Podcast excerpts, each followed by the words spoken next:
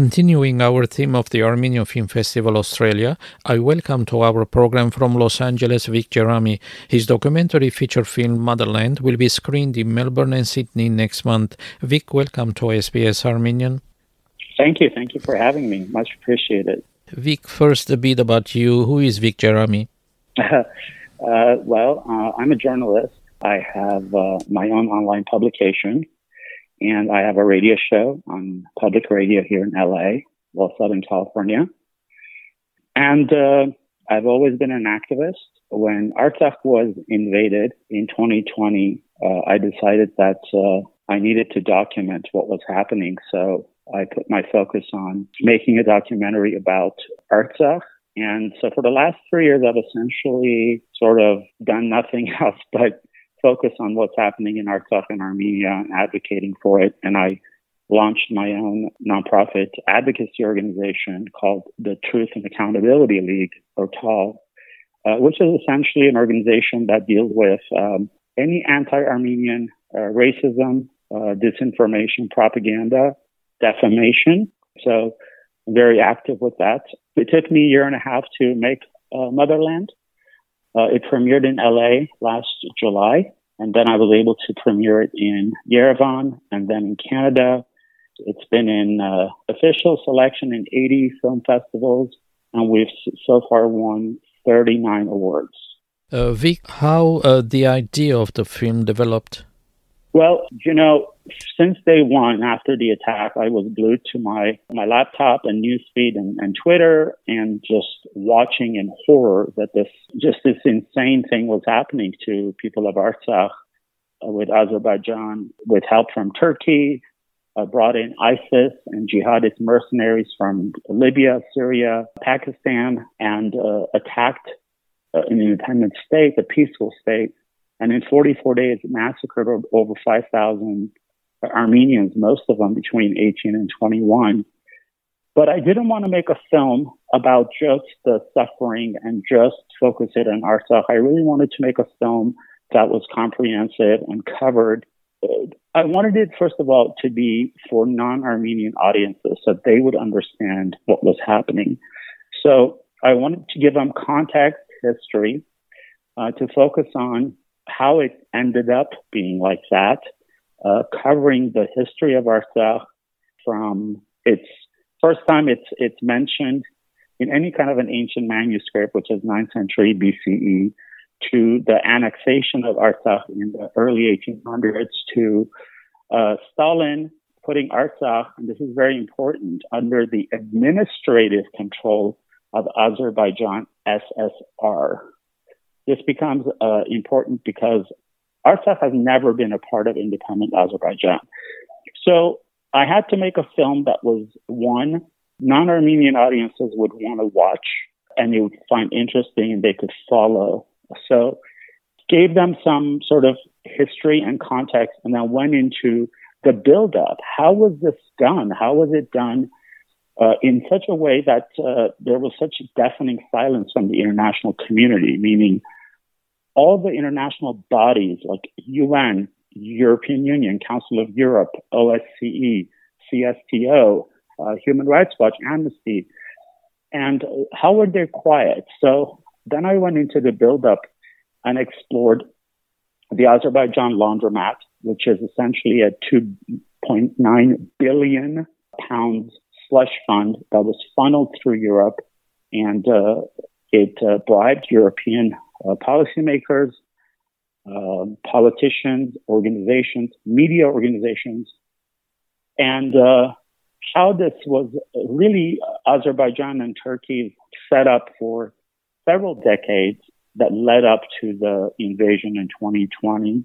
And then, of course, I interviewed uh, veterans, I interviewed refugees, eyewitnesses, journalists.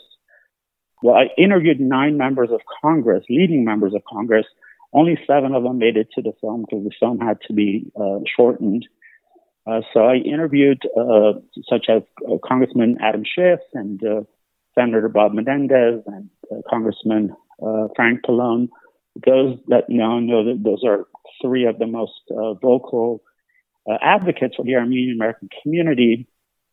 I also interviewed Baroness Cox and many other politicians and high profile people for the film. I went to Armenia many times uh, for the film. And, uh, you know, I, I, tried to make it very comprehensive uh, to cover all of that. I covered the media's responsibility. It's in eight chapters, and one chapter deals with the media. How was it that there was so much bias uh, media? Well, first of all, most of, we weren't getting much of press, and what we were getting uh, was just very inaccurate, uh, bias, and sometimes they were regurgitating Azerbaijan's propaganda, and that includes from uh, outlets like New York Times, Washington Post, BBC, Al Jazeera, etc. So, you know, we found out about the quote unquote strategic partnerships that Azerbaijan sets up with media companies, which is basically hush money. So um, I made a film that ended up being about almost two hours that covers the A to Z of this invasion of Artsakh and all the bodies and parties involved. Vic, were you involved in movies before? No, never. I mean, in very, very insignificant ways, but uh, I've never, this was the first documentary I ever made uh, of any scale. Uh, I've been involved in very small ways in, uh, in other films, but nothing, nothing like this. Was it a challenge starting a documentary? Well, you know, when, when you're driven by, I don't want to say passion because I was driven by watching people suffer and I felt that I had to do something. So that was my motivation. And I was determined to make it no matter what. Uh, there were some challenges, of course, you know, finding uh, funding for it is, is always a challenge. And of course, you know, it's a lot of legwork getting the right interviews and getting the right people in it and such seven months of it was spent with my editor. He and I just sat next to each other and cut this film because we had 43 hours of footage to cut into what ended up being just under two hours. Um, but overall, it was a rewarding experience. At times, very, very difficult. We had to watch. You know, I was I was fortunate to be connected to some networks um, that were allowing me to use their footage very painful footage of Armenians being beheaded alive uh, and such.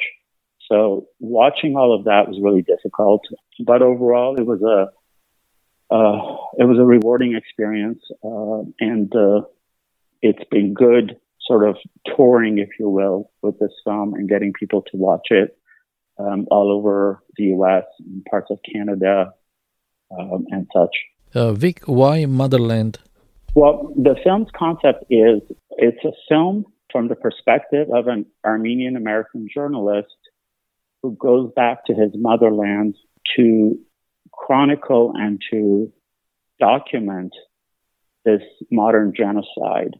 I always say that we, we Armenians have open wounds because the 1915 genocide uh, is yet to be properly recognized by other than the 30 plus nations that have recognized it, and certainly hasn't been recognized by the perpetrator, just Turkey. And so our wounds are open, and uh, you know, I wasn't, even though I wasn't born in Armenia, I had very tight connections to it. So it was about going back to motherland and then seeing this sort of happen again. And I don't use the word genocide lightly. I remember when, uh, from the very beginning, I called this uh, genocidal assault and ethnic cleansing, what happened in 2020.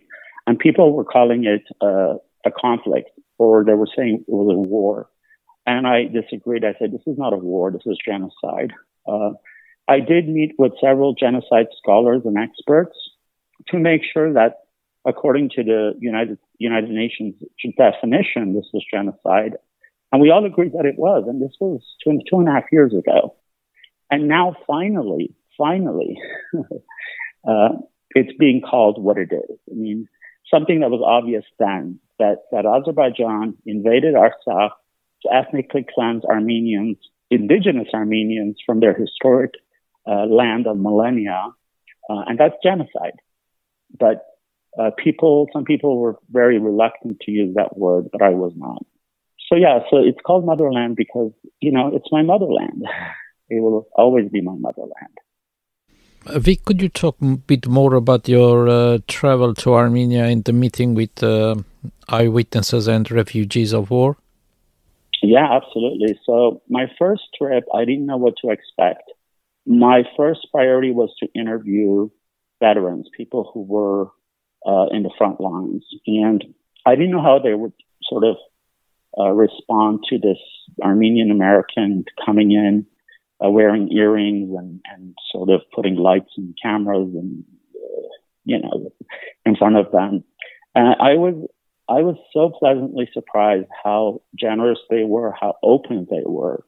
Um, I went to what's called the Homeland Defenders Rehabilitation Center, kind of a veterans hospital, if you will. It's actually a very impressive campus in Yerevan where a lot of these, these I call them, I mean, they're kids because they're so young, like they're 18, 19, 20, uh, that lost their arm or arms or leg and being rehabilitated um, and also trained for other careers, etc. And started interviewing them. And uh, you know, I was I was very careful to be to let them do it in, in at that at their comfort level. Uh, but uh, they were the ones that actually offered more and more information, and uh, which was really great. And same thing with uh, the refugees who had fled Artsakh and were living in Yerevan um, and journalists that had been there documenting this uh, and such. Um, I wanted to get uh, different perspectives. I wanted to get uh, a very diverse group of people interviewed for the film, both Armenian and non-Armenian, uh, from different fields. I ended up interviewing uh, head of a political party in Armenia, as well as an official from the current administration. And of course, as I said, I uh, interviewed Baroness Cox, uh, who has, who's I think one of the most incredible people, uh, who has been to Artsakh and Armenia over 60 times since the early 90s, and uh, Dr. Irina Ghaplanyan, uh, who's also brilliant, and a couple of genocide scholars, and of course members of Congress who are sort of super aware and in the know about all of it. It had to be sort of very comprehensive and cover everyone and everything from every which angle. I also interviewed uh, an Azerbaijani dissident, an activist who now lives in France, who's been very outspoken, and they've tried to kill him three times. Two times of it, uh, he has escaped death. Basically, he was cut up so badly. And uh, of course, I also inter- uh, interviewed uh, Alexander Lapshin. some know him. Is uh, Israeli Russian a blogger uh, who only, for only the reason that he went to Artsakh, was detained in Belarus in 2016, extradited to Azerbaijan, and spent eight hellish months in the Azerbaijani prison until um, uh, Israel and Russia intervened and he was freed. So I also interviewed them. Vic, did you receive encouraging feedback? Oh, yeah. I mean, it's been you know, with the risk of sounding immodest, the feedback has been incredible. People have been very generous every which way. People have said this is the film to watch if you really want to understand the A to Z of Artsakh from why, where, when, how, who, uh, and all of that. Um, the film festivals have been wonderful. Uh, of course, the it's not about the awards. In fact, I wasn't e- even planning on submitting the film to film festivals, it wasn't even on my radar. I wanted to make the film and distribute it and just get people to watch it. But distribution was taking a while, so I was encouraged to submit to film festivals, and I did. And so, uh, one by one, we were being selected and, and winning awards. So, uh, that's been great. It's been screened in many, many different places. So I've I've heard nothing but uh, good things um, about the film. I think people see that everyone who's in it uh, and interviewed has put their heart and soul into it. And you know, it took a village to make this film. Uh, I get all the credit, but the but the the reality is that uh, there's so many people um, that worked on this film in certain ways, uh, including so many people who contributed to it uh, in terms of the money that I had to raise. I mean, people you know, some paid $25, some paid 50, 100, uh, and more, of course. Um, so, uh, it's been, it's been a, a good thing. Um, I still hope that more people see it. Uh, non-Armenians, of course. I sent the screener uh, link and password to uh, the entire members of Congress, uh, European Union members, Council of Europe, uh, British House of Lords, and House of Commons, and um, I think over 2,200 uh, members of the press um, because I wanted to make it easy for them to watch it. So, you know, it's but the end the end game for me to people to, to watch it to really understand it because so many people, even journalists, they don't do their homework to really understand why it's Artsakh and not Nagorno-Karabakh. That Nagorno-Karabakh is an outdated uh, Soviet relic, a name that was imposed on Artsakh by the Soviets, uh, which is half Turkic, half Russian. You know, uh, just to clarify these things and change the words that we use around it. You know, we call what happened to Ukraine an invasion, but it's the same thing in Artsakh. That's that's an invasion too. That was not a war. Just because a bunch of young men pick up a, a weapon to defend their communities and their families doesn't make it a war. So there's a lot of not only disinformation to tackle, but a lot of uh, falsities and false narratives and just terms and uh, that that we need to clarify. One of the most important ones is that, as I said earlier, Artsakh has never been a part of a sovereign uh, Azerbaijan. Azerbaijan was created as a territory by the Soviets in 1918, a territory which two years later folded into the USSR. It didn't gain its independence until 91, four or five months after Artsakh was already an independent state. So this is really key for people to understand that this is, Artsakh was never a part of Azerbaijan. And it was never, Stalin put it under the administrative care of Azerbaijan, but with the status of independent, autonomous oblast. So these are the things that I had to tackle in the film, but still do it in a way where it wasn't too educational, too didactic, too uh, long, and make it very concise uh, and move the film along. Vic, your documentary will be shown during the Armenian Film Festival Australia in couple of weeks' time. Most viewers will be Australian Armenians, and you mentioned uh, before that you made the documentary for non Armenians. What would you say to the viewers while the siege of Artsakh and the suffering continues? Well, there are Armenians too that sometimes will tell me, well, not sometimes, I've heard this a lot, that, oh, I didn't know this or I didn't know that. So, there's something for all of us to learn. I mean, there were things that I learned through making the process, starting with the fact that um, Azerbaijan has uh, secured itself uh, as a, a, sort of this this bully that others are dependent on.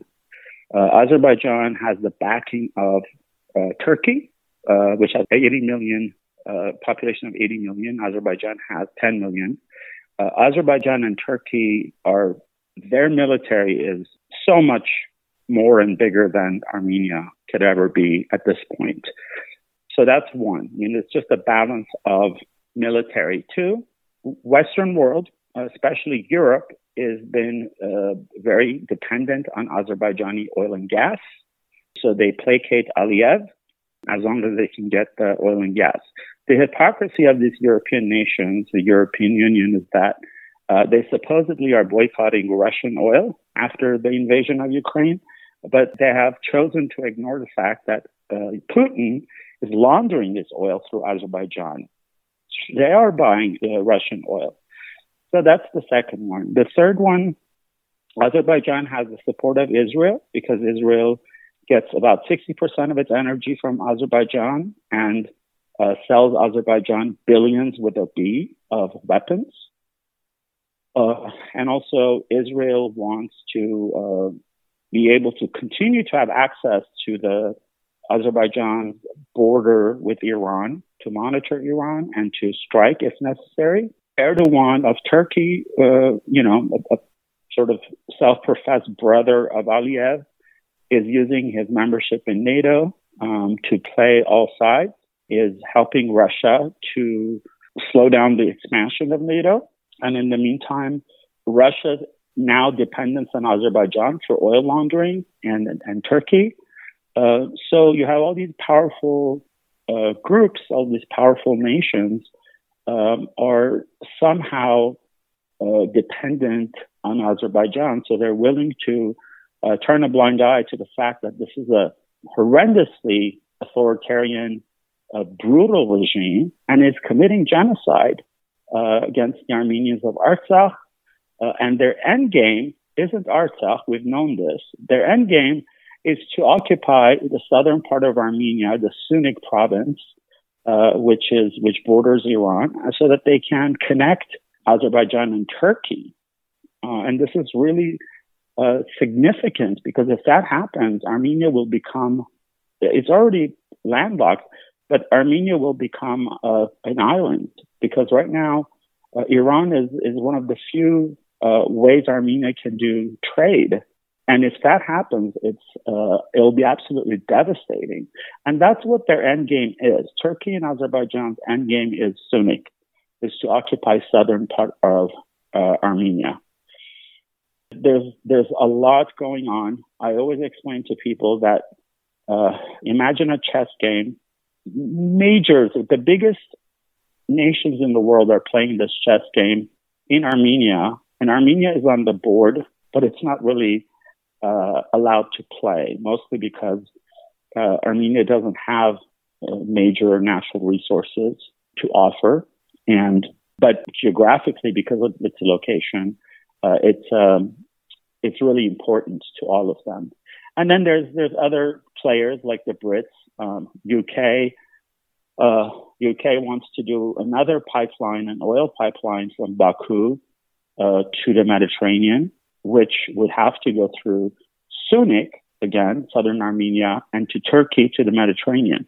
So guess what UK wants? UK would be completely happy if southern Armenia was invaded and they also have eyes on the, the, the minerals and mining. You know, the the major mining company that's sort of been poking at Azerbaijan is British based, and so BP has BP has a lot of interest in Azerbaijan, and uh, you know, again, a major international player on this chess game that's pushing the envelope. And then there's the U.S. U.S. is also you know, is just sort of willing to sacrifice Armenia, Artsakh and Armenians, even Armenia itself, uh, for its own strategic plans and its allies' plans. Partly is sort of trying to further isolate Iran. And if Syunik is lost, then Iran would be even more isolated. And the U.S. has proxy war with Russia for influence uh, and for uh, you know sort of territory grab. Um, although I think that's hypocritical because when Artsakh was invaded, the U.S. had a, a great opportunity to be a leader and intervene and not allow Russia to penetrate. But because we didn't, uh, Putin, of course, that was always his plan, created this sort of so-called peace deal and was able to set up in Artsakh see the flow of oil and gas, see the flow of natural water resources, as well as have footprint in the South Caucasus and the Iranian border. So Armenia is like this like little duck in a circle of lions and tigers and, and such. And we Armenians, we're not done. I know some of us are exhausted, some of us are burned out, but we can't be because the alternative is uh, unthinkable. Um, we are in it for a long haul. If we want to, to keep what's left of Armenia, which is as big as the state of Rhode Island, I don't know what that would be equivalent to in Australia, but it's not that big of a land. So it's a very fragile uh, situation. It's a very uh, horrific such situation. And all we can do, well, I shouldn't say all we can do, but what we do have is that we are educated. Unlike 1915, we're all over the world. We are educated. We're resourceful. We are penetrated in, in our host countries and our homes, whether it's Australia, US, Canada, France, Greece, wherever. And we get to be activists. not even advocates, but activists and do what we can and bring attention to the, to the atrocities and also get our governments uh, to move. I was able to get, two years ago, I was able to get two cities in LA, um, important cities, West Hollywood and Burbank, to formally recognize the independent Republic of Artsakh. And so, and it's not something that others can't do. It's, it's just a process. Um, if we get more and more cities, states, uh, and even nations to recognize Artsakh, it will just be like an avalanche. And right now, last thing I would say is, you know, United Nations, you know, just had their uh, emergency security council meeting. Um, although it's essentially for the blockade, but uh, as some people know, two weeks ago, Artsakh applied for remedial secession. Uh, and so we need to push the United Nations now. We need to advocate for Artsakh, for the United Nations to recognize Artsakh officially. And no one is powerless. No one, you don't need to have a lot of money or be uh, connected to a, an organization or anything. You can be an advocate and, a, and an activist on your own. So that's where we're at. That's, you know, my, my message for my fellow Armenians and our allies. Vic, thank you for the interview and the information, and uh, looking forward uh, to seeing your documentary Motherland in Australia. Oh, thank you. The pleasure was all mine, and uh, I'd love to chat with you when you do see it.